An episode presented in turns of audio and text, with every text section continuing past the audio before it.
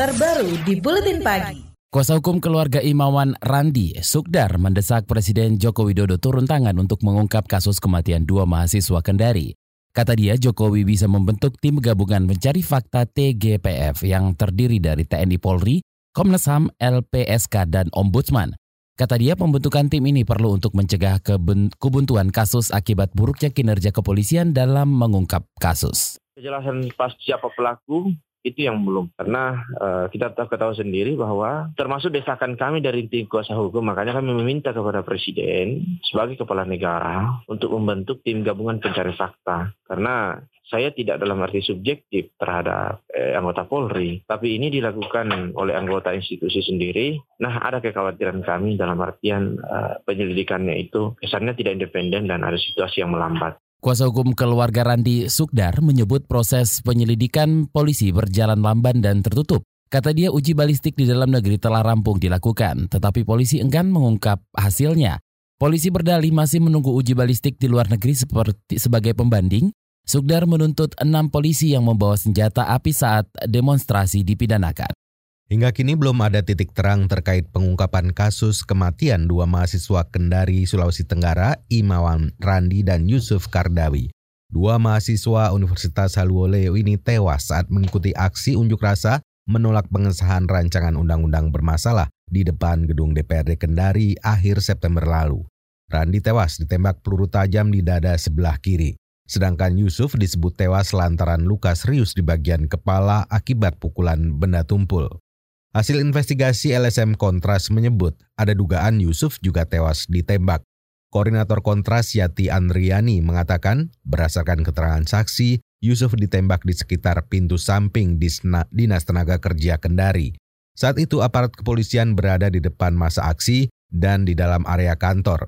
Tak berapa lama Randi yang juga roboh tertembak beberapa ratus meter dari lokasi Yusuf jatuh. Eh, kemudian ketika situasi sudah reda,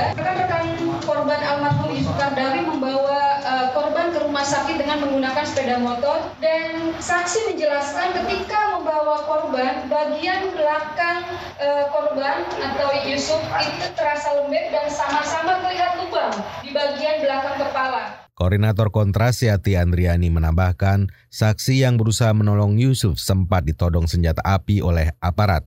Setelah peristiwa itu, selongsong peluru ditemukan di sekitar jatuhnya Yusuf dan sudah diserahkan ke polisi. Kontras mendesak Polri serius mengungkap pelaku penembakan terhadap Randi dan Yusuf. Komisi Kepolisian Nasional Kompolnas mempertanyakan urgensi pembentukan tim gabungan pencari fakta untuk mengungkap kasus penembakan dua mahasiswa Kendari, Randi dan Yusuf. Anggota Kompolnas Bambang Nur Hadi beralasan hasil kerja tim independen tidak bisa ditindaklanjuti secara hukum. Itu sebab ia menyarankan semua pihak untuk menyerahkan proses pengungkapan kasus ke polisi selaku penegak hukum. Ini sebetulnya ada indikasi semuanya mereka itu dari waktu ke waktu, dari peristiwa ke peristiwa selalu mengatakan buat tim independen, tim independen seperti itu kan. Padahal pertanyaannya nomor satu, apakah tim independen bisa bekerja secara pro justisia? Itu pertanyaannya. Apakah mereka bisa masuk ke dalam satu tindakan artinya bahwa mereka melakukan investigation secara komprehensif, tentunya berdasarkan hukum dan dapat di digunakan untuk pengadilan. Anggota Kompolnas Bambang Nurhadi menambahkan pembentukan tim pencari fakta akan membutuhkan dana yang tak sedikit. Menurutnya kepolisian saat ini masih menjalankan tugasnya sesuai prosedur. Bambang memastikan Kompolnas akan bersikap tegas jika polisi melakukan kesalahan dalam penyelidikan. Kompolnas juga mendukung pemindahan terhadap anggota penindaan, maksud kami terhadap anggota polisi yang terbukti melakukan penembakan. Sementara itu kepolisian Sulawesi Tenggara mengklaim masih menunggu hasil uji balistik. Juru bicara kepolisian Sultra Hari Gondenhat melalui pesan singkat mengatakan uji balistik dilakukan Pusat Laboratorium Forensik Polri di Makassar. Selain itu uji balistik juga dilakukan di luar negeri yaitu Australia dan Belanda.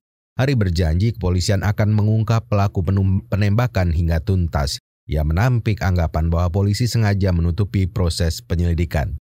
Kata dia, kerja tim investigasi kepolisian diawasi banyak pihak, antara lain kuasa hukum keluarga, ombudsman, Komnas HAM, serta lembaga perlindungan saksi dan korban. Namun, hari enggan membeberkan perkembangan hasil penyelidikan. Saudara Kops Bayangkara dinilai lemah dalam hal penegakan hukum di internal. Pengamat kepolisian Bambang Rukminto mengatakan polisi kerap tidak tegas jika mengungkap kasus-kasus yang diduga kuat melibatkan anggotanya sendiri. Dalam perkara kematian dua mahasiswa Kendari, Bambang menilai polisi sengaja tidak memberikan penjelasan gamblang ke publik tentang langkah penindakan maupun proses pengusutannya di internal. Beberapa kasus seperti pencopotan Kapolres Kendari, terus uh, mutasi ke Kapolda Ultra dan sebagainya ini sampai sekarang juga tidak jelas karena tidak pernah juga ada sidang etik atau sidang indisipliner. Ini ini mutasi biasa atau demosi yang itu yang harus dibuka. Kalau selama uh, itu diterus-teruskan, uh, saya yakin uh, saya merasa uh, polisi sendiri tidak tegas dalam menegakkan hukum yang ada di internal kepolisian sendiri. Pengamat kepolisian Bambang Rukminto menambahkan sikap polisi yang tidak transparan ini juga terlihat dalam pengusutan banyak perkara besar sebelumnya seperti kasus 21-22 Mei kasus rasisme terhadap mahasiswa Papua di Surabaya, hingga kasus kekerasan dalam penanganan aksi unjuk rasa mahasiswa di berbagai daerah. Menurutnya Presiden Jokowi selalu selaku pimpinan tertinggi harus tegas memerintahkan Kapolri Tito Karnavian untuk mengungkap kasus-kasus tersebut secara transparan. KBR, inspiratif, terpercaya.